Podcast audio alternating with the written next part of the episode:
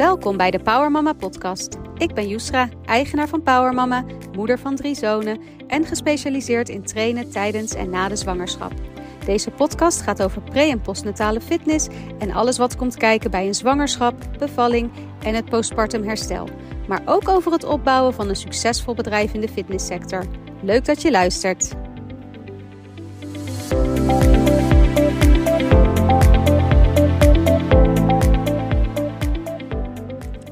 Het bestaan, de perfecte balans tussen werk en privé voor ondernemende moeders?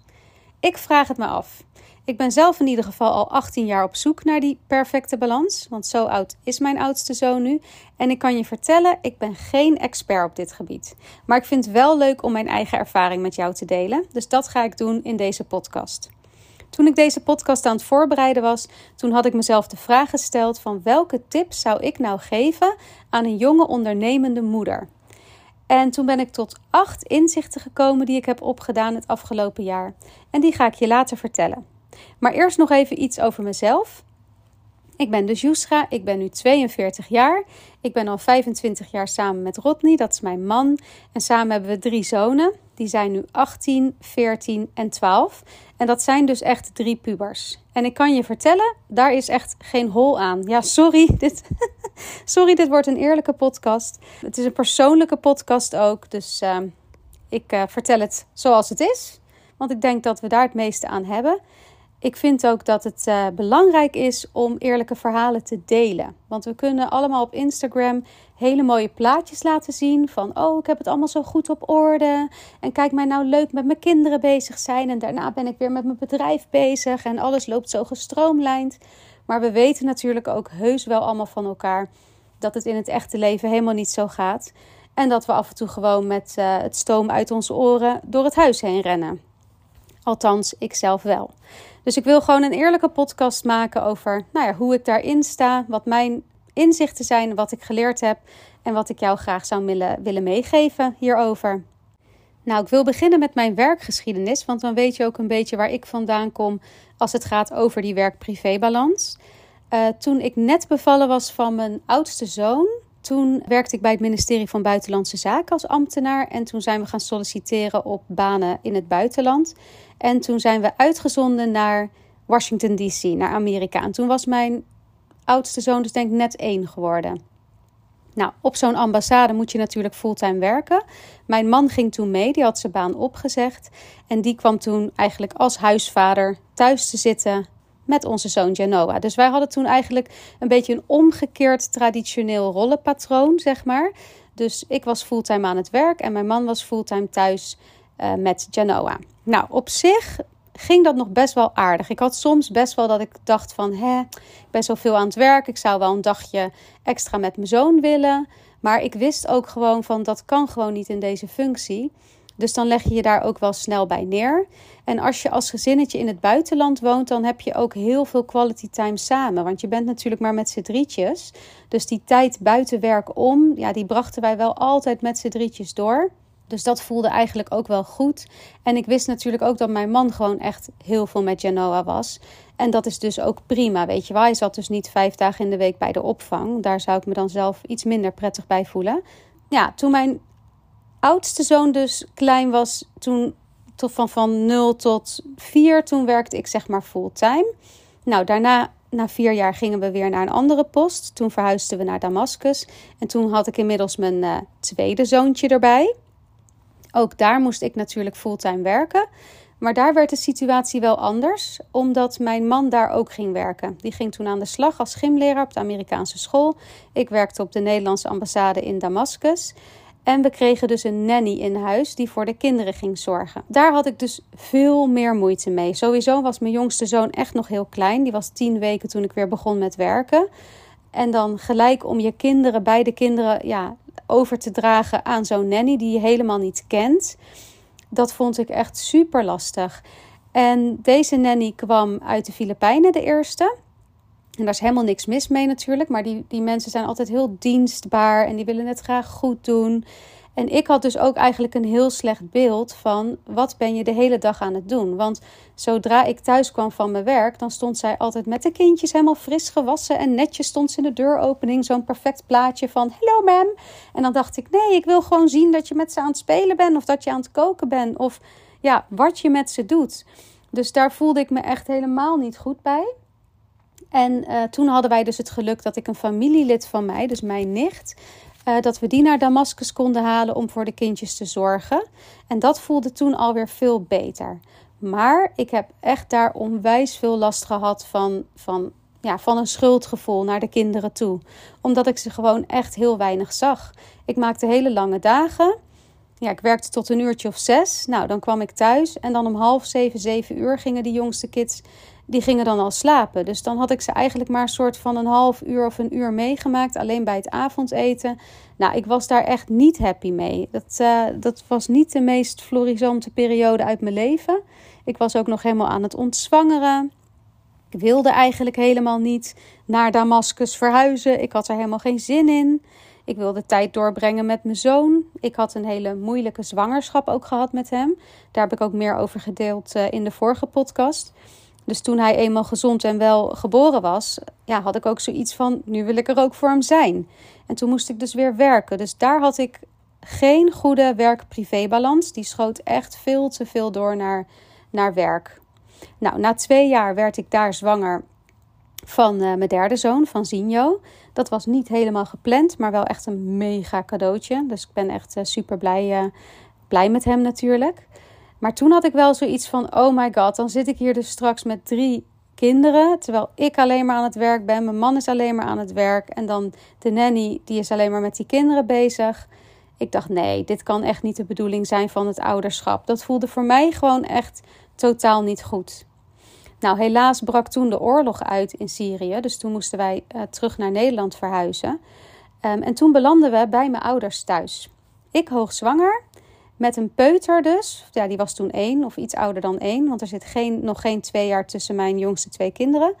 Uh, en dan uh, Janoa, die dus uh, op de basisschool zat. En mijn man. Wij met z'n allen bij mijn ouders in huis. Want die eerste periode was het dus nog heel erg onzeker of we nog terug zouden kunnen naar Syrië of niet. Nou, helaas weten we allemaal hoe het daar is afgelopen, wat ik heel erg vind. en wij moesten dus in Nederland blijven. Dus toen ik bevallen was van mijn jongste zoon, toen heb ik wel echt het mega geluk gehad dat ik bij mijn ouders woonde op dat moment. Want we hadden echt zoveel handen om te helpen. Ik lag daar echt als een queen gewoon boven in die slaapkamer een beetje kraamvrouw te zijn. Ondertussen bracht mijn man mijn oudste zoon naar school. Ondertussen was mijn moeder bezig met uh, mijn middelste zoon. Ik was daar lekker aan het kramen met die baby. Mijn vader die ging naar het winkelcentrum. Die nam allemaal lekkere dingen voor me mee. Dus dat was echt zo'n fantastische kraamtijd. Dat is echt een, ja, gewoon een mega cadeau. En dat duurde nog best wel lang. Want ik ben namelijk toen acht maanden ben ik thuis geweest. Uh, omdat er eigenlijk voor mij op dat moment niet direct een functie was. Het was de vraag van ja, blijven jullie in Nederland? Uh, gaan jullie terug naar Syrië? Nou, dat kon niet. Willen jullie door naar New York of Mexico? Waren toen de opties.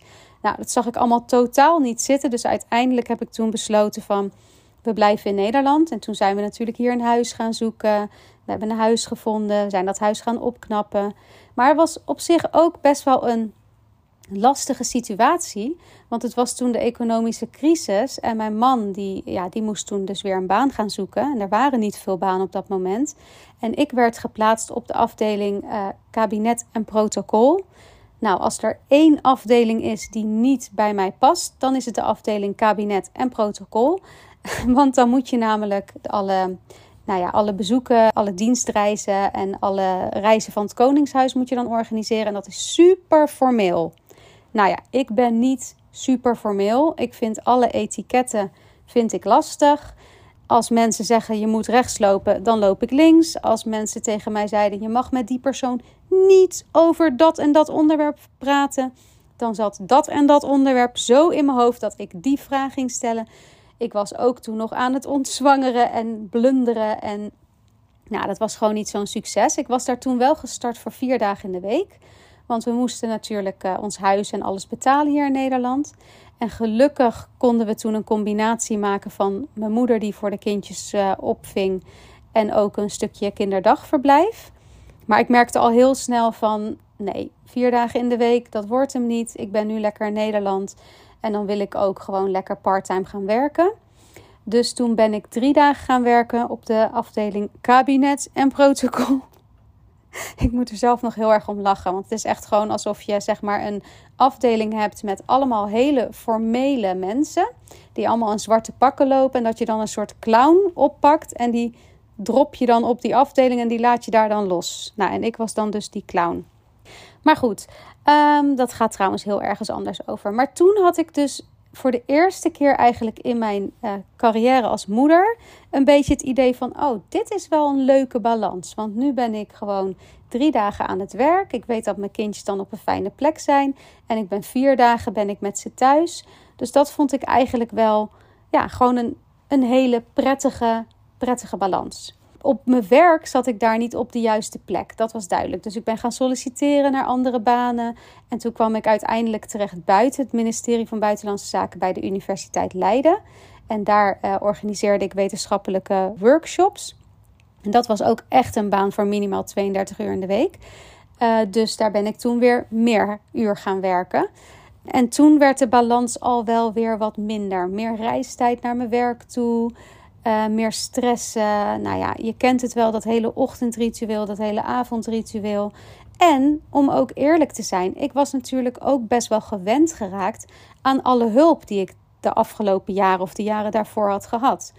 Want in Syrië, ja, daar hadden we een nanny, daar hadden we een tuinman, daar hadden we hartstikke veel hulp in huis. Ik hoefde daar eigenlijk zelf amper iets te doen. Nou, daarna ging ik bij mijn ouders wonen. Dus daar hadden we ook. Mijn, ouders kookten, mijn ouders deden de was. Dus ik was eigenlijk ja, best wel gewoon een beetje verwend. Dus toen ik ineens vier dagen moest werken, alles zelf in huis moest doen, voor drie kleine kinderen moest zorgen. Nou, ik wist niet wat ik meemaakte. Ik dacht echt, hoe doen al die miljoenen moeders dat hier in Nederland? Hoe houden die al die ballen in de lucht? Dit is toch niet oké? Dit, dit gaat toch niet? Nou, en ik heb in mijn leven een hele geschiedenis eigenlijk van angst- en paniekstoornis uh, gehad. Zo van mijn vijftiende tot ongeveer mijn dertigste jaar heb ik daar in periodes heel veel last van gehad. Dan uh, had ik agorafobie, durfde ik de straat niet op, durfde ik niet alleen auto te rijden. Uh, was ik bang dat ik paniekaanvallen zou krijgen. Het ging een hele tijd heel goed. Maar toen ik dus merkte van hé, hey, um, ik trek dit nu allemaal niet meer, toen kwam ook die angst weer terug. Nou, daar baalde ik echt onwijs van. Ik had zoiets van: ik ga niet weer een periode aan de antidepressiva en therapie. En wat een gedoe. Ik had dat al zo vaak meegemaakt. Dat was voor mij een fase waarin ik echt een soort keuze had gemaakt. En voor een soort kruispunt kwam van: hoe wil ik mijn leven nou eigenlijk leiden? Waar word ik nou blij van? En wat is nou eigenlijk die goede balans, zodat ik ook lekker in mijn vel kan blijven zitten en er niet helemaal aan onderdoor ga. Aan het hele moederschap, werken, nou, alles wat er moet. Toen ben ik eigenlijk begonnen met sporten, gezond eten, tijd voor mezelf opeisen, uh, doen waar ik uh, dingen doen waar ik blij van werd. En dat heeft mij eigenlijk onwijs geholpen om van die angsten af te komen. Ik ben daar dus ook helemaal uiteindelijk van genezen, tussen aanhalingstekens genezen. Want ik heb er nu dus echt al tien jaar of zo langer geen last meer van. Maar dat is dus echt gekomen omdat ik voor mezelf heb gekozen. Uh, mezelf op de eerste plek ben gaan zetten. Goed voor mezelf ben gaan zorgen. En veel meer ben gaan leven van wat zijn mijn kernwaarden, wat zijn mijn dromen, waar word ik echt zelf gelukkig van. En dat ben ik gaan doen. Dus dat is op zich wel heel mooi. Niet waar deze podcast over gaat natuurlijk, maar ja, het heeft wel allemaal te maken met dat stukje werk-privé-balans en mijn geschiedenis. Nou, toen ik dus eenmaal zo was aangestoken door dat sporten en ik merkte van, oh, ik word hier zo sterk van, fysiek en mentaal en gezond eten en goed voor mezelf zorgen, dit helpt mij zo. Ja, toen kwam natuurlijk de missionaris in mij naar boven en die wilde dat gaan delen met alle andere moeders op de hele wereld. Maar ik begon met de paar moeders in Zoetermeer. En toen ben ik dus training gaan geven aan andere moeders, zwangere vrouwen, pasbevallen vrouwen. En zo is eigenlijk die dat hele ondernemerschap ontstaan. Want ik had zoiets van: dit wil ik doen met mijn leven. Hier wil ik andere vrouwen ook bij helpen. Dus toen ben ik langzaam opgestart met trainingen, met personal training aan huis, met bootcamp trainingen. Nou, en dat liep eigenlijk heel goed. Dus dat werd meer en meer. En toen merkte ik van hé, hey, dit kan ik niet meer combineren met die kantoorbaan. Want die kantoorbaan die nam energie van mij en mijn eigen onderneming, dat gaf mij energie. Dus in het begin is dat dan nog best wel op in balans. En op een gegeven moment merkte ik van nu kan het niet meer, want ja, ik ben nou zoveel uur aan het werk. Nu ben ik eigenlijk gewoon weer fulltime aan het werk.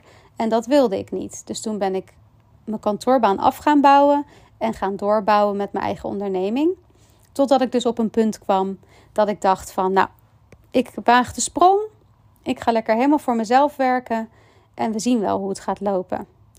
Dat was dus nu zo'n elf jaar geleden, denk ik. Ik ben heel slecht in jaartallen en aantal jaren, want de tijd vliegt ook voorbij. Dus, maar volgens mij in ieder geval iets van tien jaar geleden.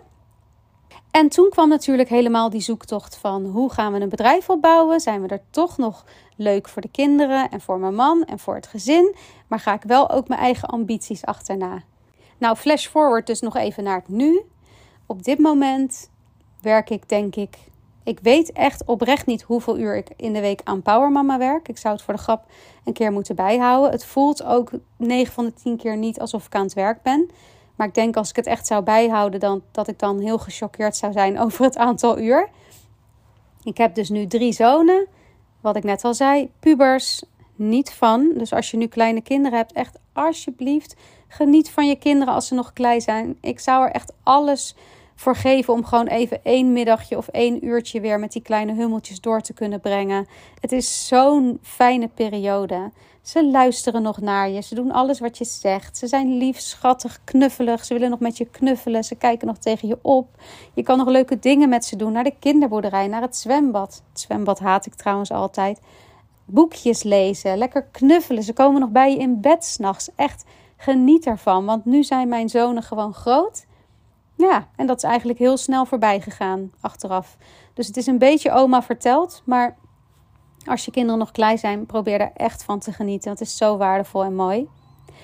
Terug naar het nu. Dus ik heb nu dus drie pubers. Dus die zijn gewoon heel zelfstandig. Die kunnen veel zelf doen. Ze zitten alle drie op de middelbare school. Die middelste van mij bakte gewoon een biefstuk voor zichzelf als die trek heeft. Dus nou, mocht ik wegvallen, dan overleven ze wel. En mijn man die heeft meer dan een fulltime baan. Die heeft een drukke baan overdag en die is ook nog voetbaltrainer erbij. Dus die kan je eigenlijk ook gewoon een soort van eh, wegstrepen. Daar heb ik ook niet zoveel aan. Nee, grapje. nee, dat is een grapje. Ik heb heus wel wat aan hem. Maar niet veel. Nee. nou, het wordt nu wel erg eerlijk. Goed, uh, wat zijn mijn, uh, mijn inzichten? Ik denk voordat we gaan beginnen met mijn acht tips, kunnen we even terug naar die beginvraag van die echte balans. Bestaat die nou of bestaat die niet? Nou ja, ik denk dus dat die niet bestaat. Want als ik terugkijk op de afgelopen 10 jaar of de afgelopen 18 jaar, dan is het constant eigenlijk een zoektocht. En de ene periode merk je van wat meer van hey, nu loopt het lekker, ik zit goed in mijn vel, ik heb het gevoel dat ik mijn kinderen genoeg zie, ik heb genoeg quality time met mijn man, ik heb ook genoeg tijd voor mezelf. Zit je een beetje in een positieve flow, dan, dan voelt het goed. Maar dat wordt dan weer afgewisseld met periodes waarin je meer deadlines hebt. Of je kinderen zijn veel ziek. Of er zijn andere omstandigheden in je leven. En dan ben je die balans weer helemaal kwijt. Dus voor mijn gevoel ben je eigenlijk soort van constant aan het zoeken naar die balans. En die perfecte balans die is er nooit echt helemaal. Nu ben ik zelf ook iemand die een beetje vreemd in elkaar zit, omdat ik ja, ik kan zeg maar heel hard en gefocust werken. Ik ben iemand uh, die werkt volgens het, slogan uh, Start Before You're Ready. Dus ik verkoop al een product wat nog niet bestaat. Ik plan al workshops of opleidingen in de toekomst terwijl er nog nul inhoud is. Dat werkt goed voor mij. Maar daardoor ben ik wel altijd een beetje aan het hollen en aan het rennen en aan het vliegen. Totdat mijn lijf me dan een signaaltje geeft van dit is niet oké. En dan lig ik er zeg maar een week af. Dus dat is een beetje hoe ik in elkaar zit. Ik uh, werk vijf weken achter elkaar keihard. En dan één week, dan kan ik helemaal niks meer. Dan krabbel ik weer op en dan denk ik: je moet echt wat gaan doen aan je balans, want dit hou je zo niet vol. En dit is niet handig. Nou, en dan gaat het even twee weken goed en dan ga ik weer rammen als een malle, alles geven, lang doorwerken, s'avonds doorwerken, vroeg opstaan en dan hop, stort ik weer in. Dus daarom zei ik ook in het begin van de podcast: ik ben niet echt zeg maar de expert op dit gebied. Maar goed, dat is hoe ik in elkaar zit. Maar ik denk dus ook dat die echte balans dat die niet, ja, niet echt bestaat. Nou, wat ik de laatste jaren ook veel meer ben gaan beseffen, is dat het heel belangrijk is om trouw te leven aan jezelf en je eigen kernwaarden en aan wat jij belangrijk vindt. Want we zien natuurlijk om ons heen veel hoe moeders het doen, andere moeders, of je ziet dat op internet of op tv. En dan kan je ook een beetje een beeld krijgen van nou ja, welke verwachtingen er dan zijn vanuit je omgeving. Hè? Dus bijvoorbeeld de verwachting van, oh je wordt nu moeder, nou dan ga je waarschijnlijk drie dagen werken. Maar misschien ben jij wel iemand die zegt drie dagen werken, ik blijf gewoon vijf dagen werken. Dat kan, maar dan is het best wel lastig als natuurlijk jouw hele omgeving en misschien je familie en je vriendin, vriendinnen een bepaald beeld hebben dat je daar dan niet aan voldoet. Dus echt voor jezelf bepalen en het liefst natuurlijk samen met je partner. Dat zou nog mooier zijn van wat zijn onze kernwaarden als gezin? Wat vinden wij belangrijk? Dat is echt ja, dat is super waardevol, want dan kan je daarna namelijk gaan toetsen van leef ik dan op dagelijkse basis ook die kernwaarden na? En het kan natuurlijk ook zijn dat, dat het per periode anders is. Als je een bedrijf aan het opstarten bent, dan ben je gewoon echt even keihard aan het werk. Toen ik met Power Mama bezig was, die eerste twee jaar, ik, ja, ik heb me echt mezelf bijna gewoon een burn-out gewerkt. En ik moet ook eerlijk zeggen dat als ik dan nu terugkijk, mijn bedrijf stond toen ook echt op één. Dat, ja, het is echt super lullig om te zeggen. Maar als ik gewoon heel eerlijk ben, en dat wil ik zijn, mijn bedrijf stond gewoon echt even op één in die fase. En mijn kinderen zelfs wel, ja, net, die hingen daar iets onder. Maar echt serieus hoor. Ik zette ze gerust even lekker. Ik liet ze gamen of ik liet ze een pizza bestellen. Of nou ja, zoek het maar even uit zodat ik kon werken. Ik ben er niet trots op, maar het is wel gewoon de waarheid. Maar dat was een fase. En nu zit ik weer in een andere fase. En nu staan mijn kinderen en mijn gezin echt wel op één en hangt mijn bedrijf daaronder.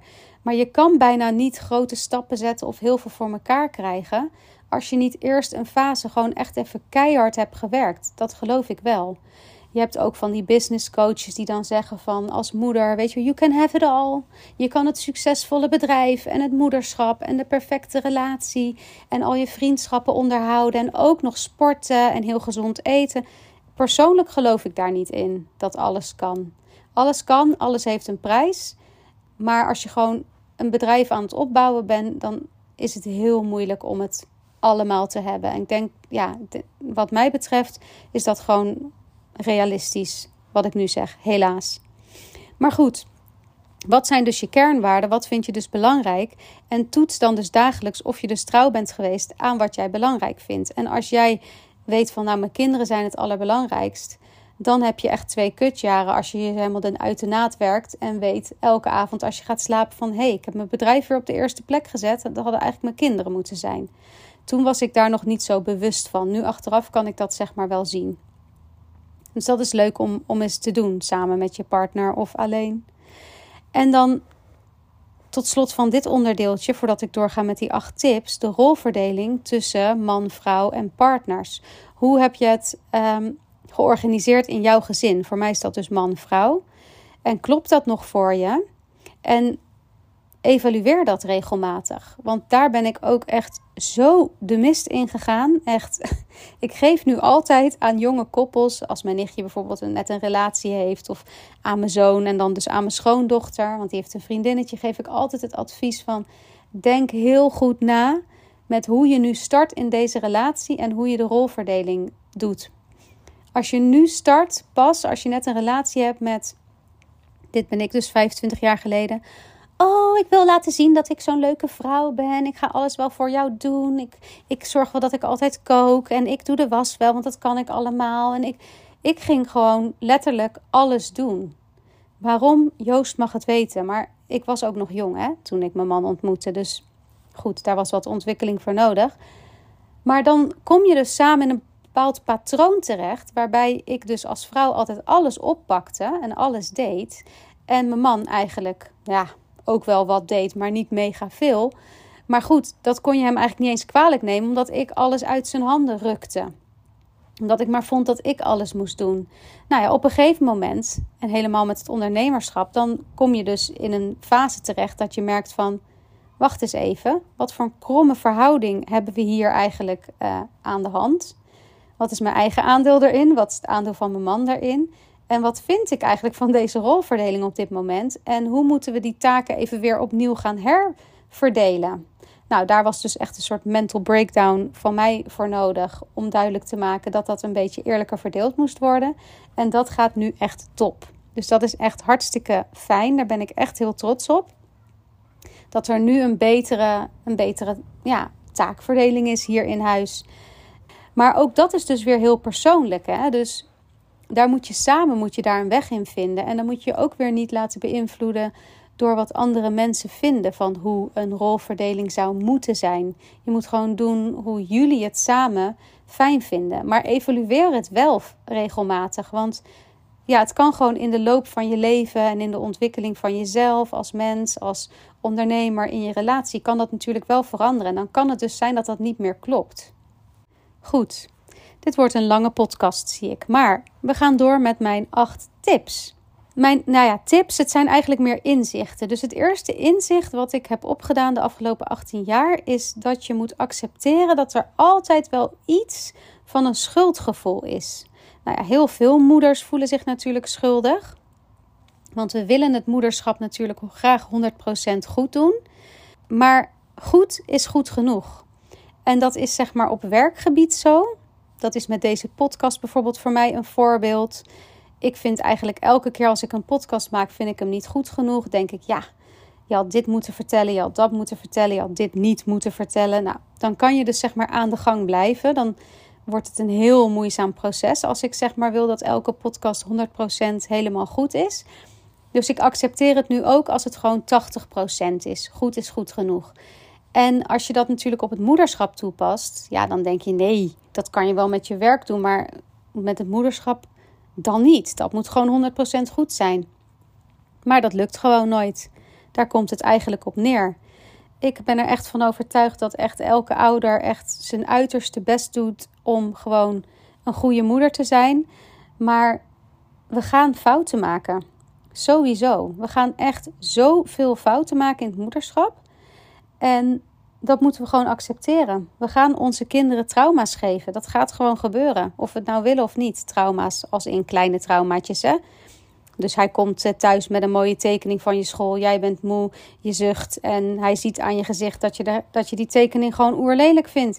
En de volgende ochtend vindt hij ook die tekening nog eens in de prullenbak. Gewoon omdat jij dacht: wat een lelijk ding, joh, die pleuren we weg. We gaan echt niet alles bewaren. Dat kan al bijvoorbeeld een traumaatje zijn. Dus het hoeft niet allemaal heel dramatisch te zijn. Maar die dingen gebeuren. We gaan gewoon fouten maken. En er, je kan het dus nooit helemaal goed doen. Dus ja, weet je, ik heb ook wel eens gedacht van uh, als ik helemaal een thuisblijfmoeder was geweest, was dat beter geweest? Of als we nog wel in het buitenland hadden gewoond en ik gewoon fulltime gewerkt had en de nanny had mijn kinderen opgevoed, was dat, was dat beter geweest? Je weet het gewoon niet. We doen gewoon maar wat en we doen gewoon ons best. Maar we moeten denk ik gewoon accepteren dat het nooit helemaal 100% goed gaat zijn. Dat kan nou eenmaal niet. En dat is denk ik ook helemaal niet gezond als het wel 100% helemaal goed is. Dus dat schuldgevoel, ja, dat moeten we dan maar gewoon bij ons dragen. Een van de dingen waar ik zelf heel onzeker over ben in mijn leven, dat zijn mijn opvoedskills. En nu mijn kinderen dus pubers zijn, zeg ik echt dagelijks tegen mijn man van... Oh, ik hoop dat het goed genoeg was. Ik hoop zo dat het goed genoeg was wat we gedaan hebben. Want ik realiseer me dus nu dat eigenlijk het grootste gedeelte van het opvoeden zit er dus al op. Ik heb nu niet zoveel invloed meer, dus dan hoop ik maar wat we daarin gestopt hebben in hun jeugd... dat het goed genoeg is. Maar goed, ik, uh, we gaan het meemaken. We doen allemaal ons best. Dus accepteer gewoon dat je schuldig voelt. Dat je nooit weet of je het op de juiste manier doet. Maar we doen allemaal naar ons eer en geweten wat we kunnen. Nog een inzicht wat ik heb, dat is dat het dus super tof is als jij als moeder een voorbeeld kan zijn voor je kinderen. Dat je dus werk doet waar je heel erg blij van wordt. En dat je echt van waarde bent in je werk. En dat je kinderen dat dus ook zien van mama werkt wel hard, maar zij is altijd heel enthousiast over de werk. Ze komt thuis met een glimlach op haar gezicht. Ze heeft zin om naar haar werk te gaan. Ze heeft passie voor haar werk. Dat is toch een super mooi voorbeeld voor je kinderen. Gisteren hoorde ik in een andere podcast dat 40% van de Nederlanders van zichzelf vindt dat hij een bullshitbaan heeft. En dat houdt dus in dat um, een bullshitbaan is dus een baan dat als jij wegvalt, dat er eigenlijk niks echt gebeurt. Dat je niet echt van waarde bent. Dat je niet echt iets heel belangrijks doet eigenlijk met je werk.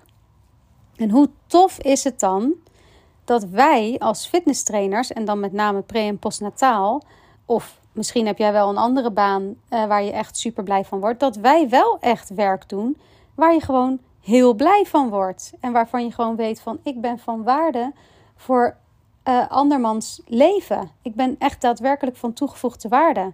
Dus betrek je gezin bij je baan en vertel ze ook wat je doet.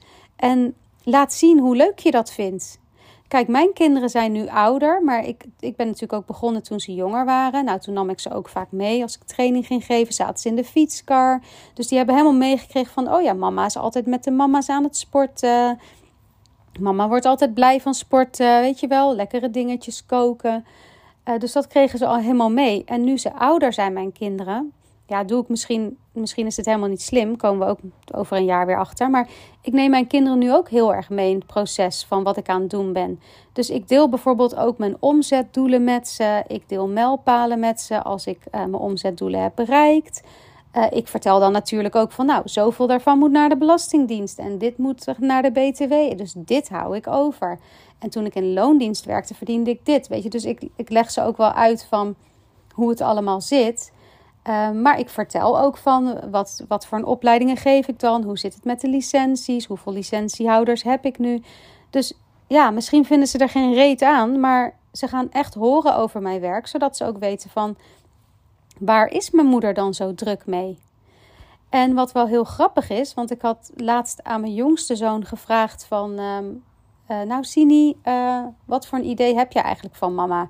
Weet je wel, van vind je dat ze te veel werkt? Ben ik te veel aan het werk? Of ben ik gewoon thuis? Of wat ben ik eigenlijk voor moeder voor jou? En toen zei hij dus tegen mij, een stay-at-home mom. Toen dacht ik echt, een stay-at-home mom? Ten eerste, hoe kom je bij dat woord? Maar goed, dat halen ze dan van alle series en zo.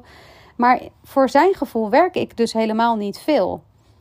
Uh, maar voor mijn gevoel werk ik dus wel heel veel. Maar ik ben ook wel weer veel thuis. Uh, maar omdat ik ook gewoon zo enthousiast ben over mijn werk en alles wat ik doe, is het voor hem, hij heeft niet het idee van, oh mijn moeder gaat naar een saai kantoor, moet daar heel de dag daar tijd uitzitten en komt dan aan het eind van de dag helemaal vermoeid terug. Omdat ik gewoon allemaal dingen doe die ik leuk vind. Dus hoe klein je kinderen ook zijn, betrek ze er lekker bij. Nou, en dan eentje die ik echt heel belangrijk vind, dat is eis tijd voor jezelf op. Je kan niet alles en je hebt gewoon tijd voor jezelf nodig. Nou, terwijl deze podcast online komt te staan, zit ik bijvoorbeeld ook weer even twee dagen in een hotel, omdat ik mezelf een deadline had opgelegd die niet haalbaar bleek. Dus daar ben ik nu dan twee dagen even gefocust uh, uh, mee bezig en aan het werk. Maar ga er lekker tussenuit. Weet je, eis die tijd voor jezelf op. En je hoeft echt niet gelijk, net als ik, twee dagen naar een hotel of een week naar LA of uh, een week naar Ibiza of naar een yoga-retrette. Het kan ook klein zijn. Hè? Het, toen mijn kinderen klein waren, dan eiste ik ook tijd voor mezelf op. Maar dat, dat waren dan mini-momentjes. Dan zei ik tegen mijn man van... Ik ga nu boven douchen en ik wil gewoon een uur niet gestoord worden. Want anders stonden er drie van die kleine gastjes in de douche. En die wilden dan ook allemaal douchen. En dan heb je zo'n man die denkt van... Oh, dat is toch handig? Komen ze er toch bij staan? Ja, het is ook handig. Maar ik wil nu gewoon een moment voor mezelf. En soms ging ik gewoon eerder naar boven. En dan ging ik gewoon op mijn bed, in mijn kamer, bijvoorbeeld een serietje kijken. Je hebt gewoon echt tijd voor jezelf nodig. Voor jezelf als mens, maar ook dus tijd voor jezelf als ondernemer. Dus maak tijd om te sporten. Maak tijd voor leuke dingen te doen met je vriendinnen. Doe een wandeling in je eentje. Maar plan ook gewoon soms in dat je lekker even een weekendje weggaat. Kijk, ik heb me echt nul schuldig daarover gevoeld weg te gaan bij de jongens. En ik doe het al vanaf dat ze allemaal klein zijn. omdat ik gewoon weet dat ik 100% geef. En dat het hartstikke goed voor hun is om ook gewoon eens een week of drie dagen met hun vader te zijn en het zelf maar eens uit te zoeken. Dan komen ze er ook gelijk achter hoeveel die moeder eigenlijk wel allemaal niet doet in het huis met z'n allen. Dus ik vind dat eigenlijk ook alleen maar heel erg goed. En ik wil eigenlijk later ook, kijk, ik heb dan drie jongens. Dus die krijgen dan een partner later, man of vrouw, kan natuurlijk beide. Maar stel je voor, ze krijgen een vrouw. Dan wil ik ook dat zij beeld hebben of een voorbeeld hebben van dat het dus normaal is dat hun vrouw dus lekker dingen voor zichzelf doet. Dat ze lekker uh, ondernemend is, dat ze weggaat met vriendinnen als ze dat wil. Weet je, dat, dat is ook het voorbeeld wat ik graag wil geven. En je leeft natuurlijk ja, voor. kan wel zeggen tegen je kinderen dat ze van alles moeten doen, maar uiteindelijk gaan ze gewoon doen wat jij doet. Dus een mooi verhaal ophouden en zelf heel iets anders doen, dat heeft geen zin. En ik vind, ik vind dit wel heel erg belangrijk. Dat mijn zonen weten van, hé, hey, als vrouw zijnde, weet je, je bent er niet alleen maar om thuis te zitten voor de kinderen te zorgen. Je mag ook jezelf ontwikkelen en je eigen dromen achterna gaan. Dus eis die tijd echt voor jezelf op. Dat moet je echt doen. En als je dat moeilijk vindt, dan begin dan dus gewoon heel klein en maak het dan steeds een stukje groter. En dan ga je ook ervaren dat het dus niet het einde van de wereld is. Dat, dat je niet je huis niet is afgefikt als je terugkomt. Dat je kinderen gewoon nog de haren hebben, niet afgeknipt haar of alle tanden zitten heus nog wel in de mond. Het komt echt, echt wel goed. Ze kunnen het ook echt zonder ons. Je hebt dit echt nodig als moeder. Je moet echt gewoon lekker soms even tijd voor jezelf hebben. Nou, het vierde inzicht. Dit was echt een, een, een groot ding voor mij. Gelukkig nu niet meer, maar dit is echt de eerste vijf jaar van het ondernemerschap. Liep ik er heel erg tegenaan. Geef jezelf de waardering die je verdient. Als je gaat wachten op waardering van je man, van je kinderen, van je omgeving, dan kan je vaak lang wachten. Want soms komt die waardering niet.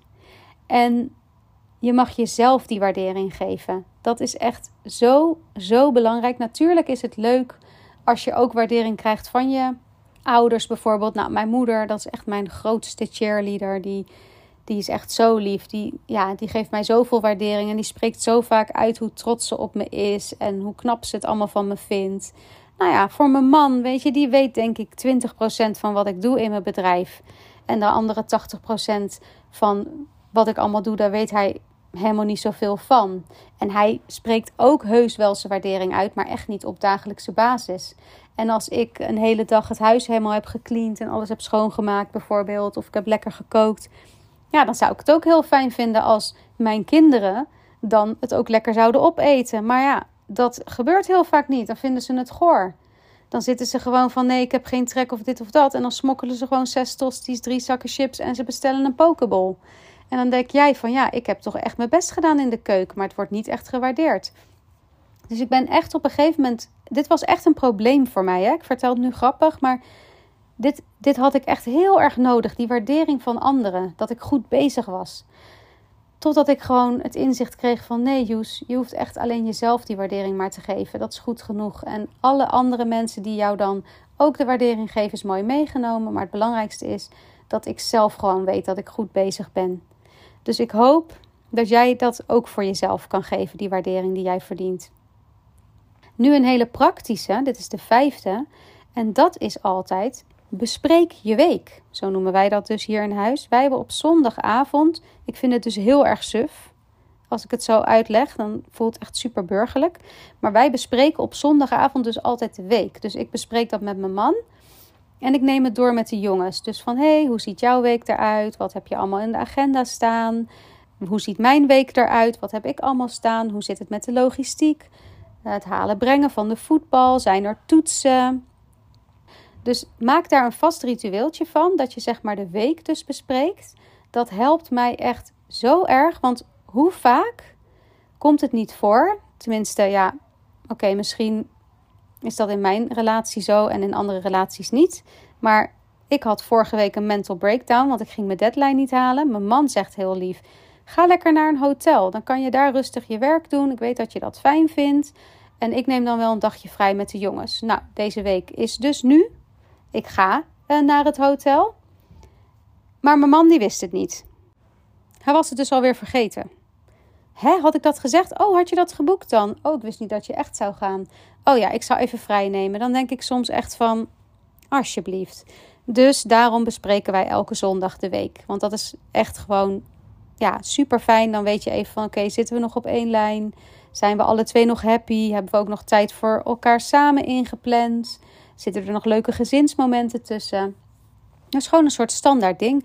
En op dat zondagavond uh, momentje plan ik ook altijd mijn werkweek. Dus ik vind dat echt, dat vind ik echt een heel fijn ritueel. Waar ik echt heel erg uh, blij mee ben.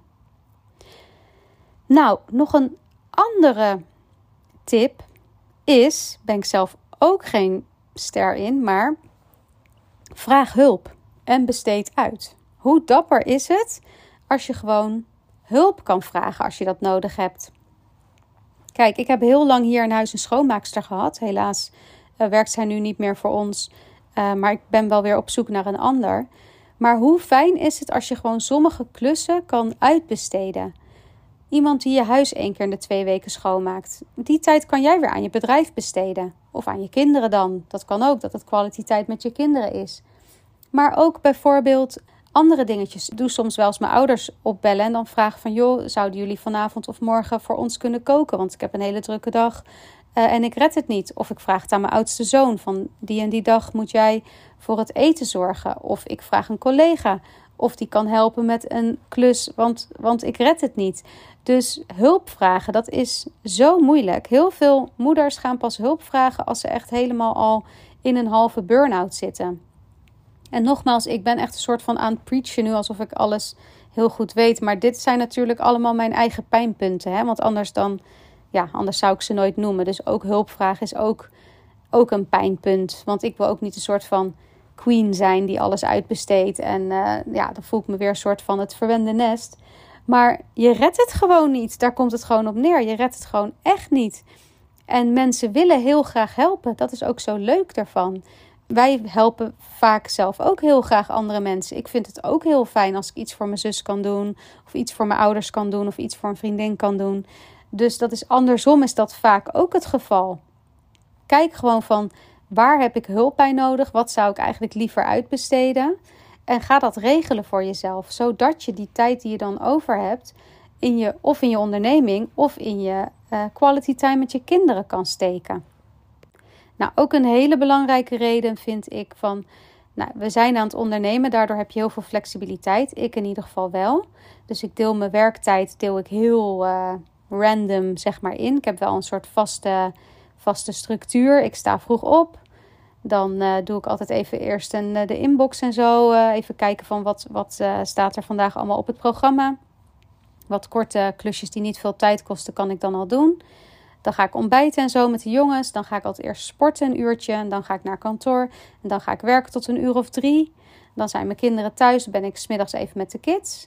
En dan s'avonds, als de jongens weer naar boven gaan, of ze zijn gewoon ook op een beeldscherm bezig of hun eigen ding aan het doen. Doe ik vaak ook nog wel wat op de laptop. Niet elke avond. Ik voel dat gewoon aan. Soms heb ik er echt zin in. Dan voel ik dan van ja, ik ga nu gewoon nog even werken. Andere dagen voel ik van nou, ik heb eigenlijk geen zin. Ik ben moe, maar moet ik niet toch nog wat doen? Dan doe ik het niet. Maar in ieder geval, je, je doet lekker je eigen werktijden indelen. Dat is ook het voordeel van het ondernemerschap. Maar één regel is echt super belangrijk. En dat is wel van als er nood aan de man is met de kinderen, dan gaat dat altijd voor. Dus als mijn kinderen ziek zijn, als ze ergens gehaald moeten worden, gebracht moeten worden, eh, als ze een optreden of iets hebben, als er iets is met school of met sport, dat gaat gewoon altijd voor. En dat vind ik dus zo onwijs tof van voor jezelf werken, dat dat dan dus ook kan. En dat je dan niet aan een baas moet vragen van, ja, mijn zoon heeft uh, nu een. Pietengym op school. Ik wil graag kijken. Mag ik even een uurtje weg? Maar dat je gewoon zelf beslist van... Oh, nou, ik ga eventjes nu daar naar daar naartoe een uurtje. En dan haal ik die werktijd haal ik later wel weer in. En ik denk dat dat ook fijn is voor je kinderen. Want dat zijn de momentjes hopelijk die ze zich ook gaan herinneren. Dat toen ze vielen of ze waren ziek of ze hadden Pietengym... dat je er toen was voor ze daardoor hebben ze volgens mij ook het idee, wat ik eerder vertelde van dat mijn zoon zei dat hij het idee heeft dat ik alleen maar thuis ben. Dat komt volgens mij omdat op bepaalde belangrijke momenten ben ik er hopelijk wel voor ze. En wat ook leuk is om te doen, is om wel wat vaste rituelen in te bouwen. Wij hadden bijvoorbeeld vroeger altijd van uh, vrijdagavond voiceavond. Nou ja, we weten allemaal wat er met de voice is gebeurd. Dat is niet meer op tv. Maar we hadden ook vaak filmavonden, dat we met het hele gezin film keken. Of bepaalde vaste rituelen die je als gezin doet. Nu moet ik eerlijk zeggen dat dat als je kinderen pubers worden, wordt dat echt minder. Dan hebben ze daar geen zin meer in. Maar echt in die basisschoolleeftijd, dan kan je dat nog zo leuk doen. Dat je gewoon, ja, je werkt hard door de week. Maar ze weten wel dat jij elke zaterdagochtend uh, meegaat naar de voetbal. Of dat jullie elke vrijdagavond patatavond met een filmpje hebben. Of kijk, dat zijn dan die belangrijke dingen. Dus dat is ook heel, heel leuk om eens te bekijken met je gezin. Van welke rituelen hebben wij als gezin?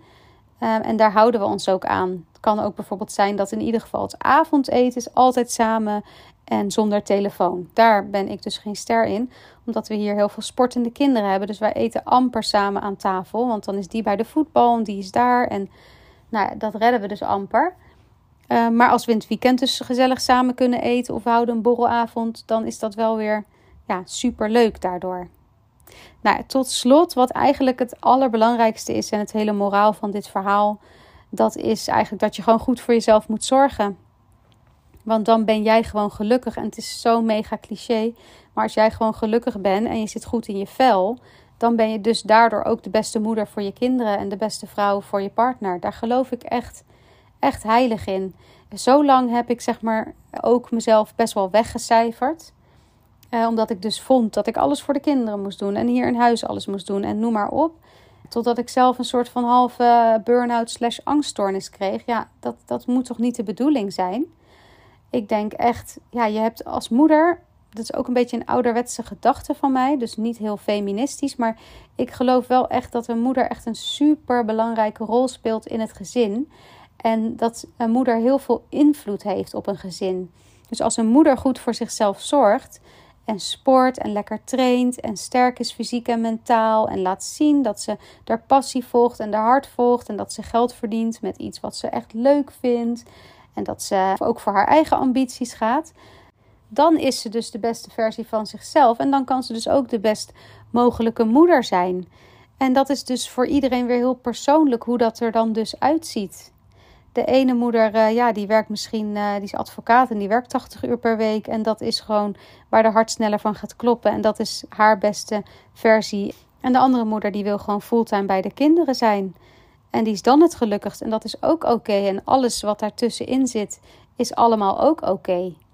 Maar ga gewoon goed voor jezelf zorgen. Dat is, dat, je kan toch geen beter voorbeeld geven dan dat. Dat je gewoon goed voor jezelf zorgt. Dus dat ja, dat zou ik iedereen gunnen, alle moeders. En helemaal in die fase van dat de kinderen klein zijn, dan is het allemaal zoveel zwaarder dan nu. Maar dat weet ik echt nog wel heel goed ook hoe dat voelde. Uh, dus juist dan is het de tijd om echt te gaan staan voor jezelf.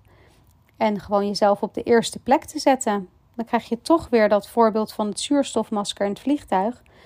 Maar het is wel gewoon echt een heel goed voorbeeld. Eerst je eigen zuurstofmasker op en dan pas die van je kinderen. Want als jij omvalt, daar heeft echt niemand wat aan.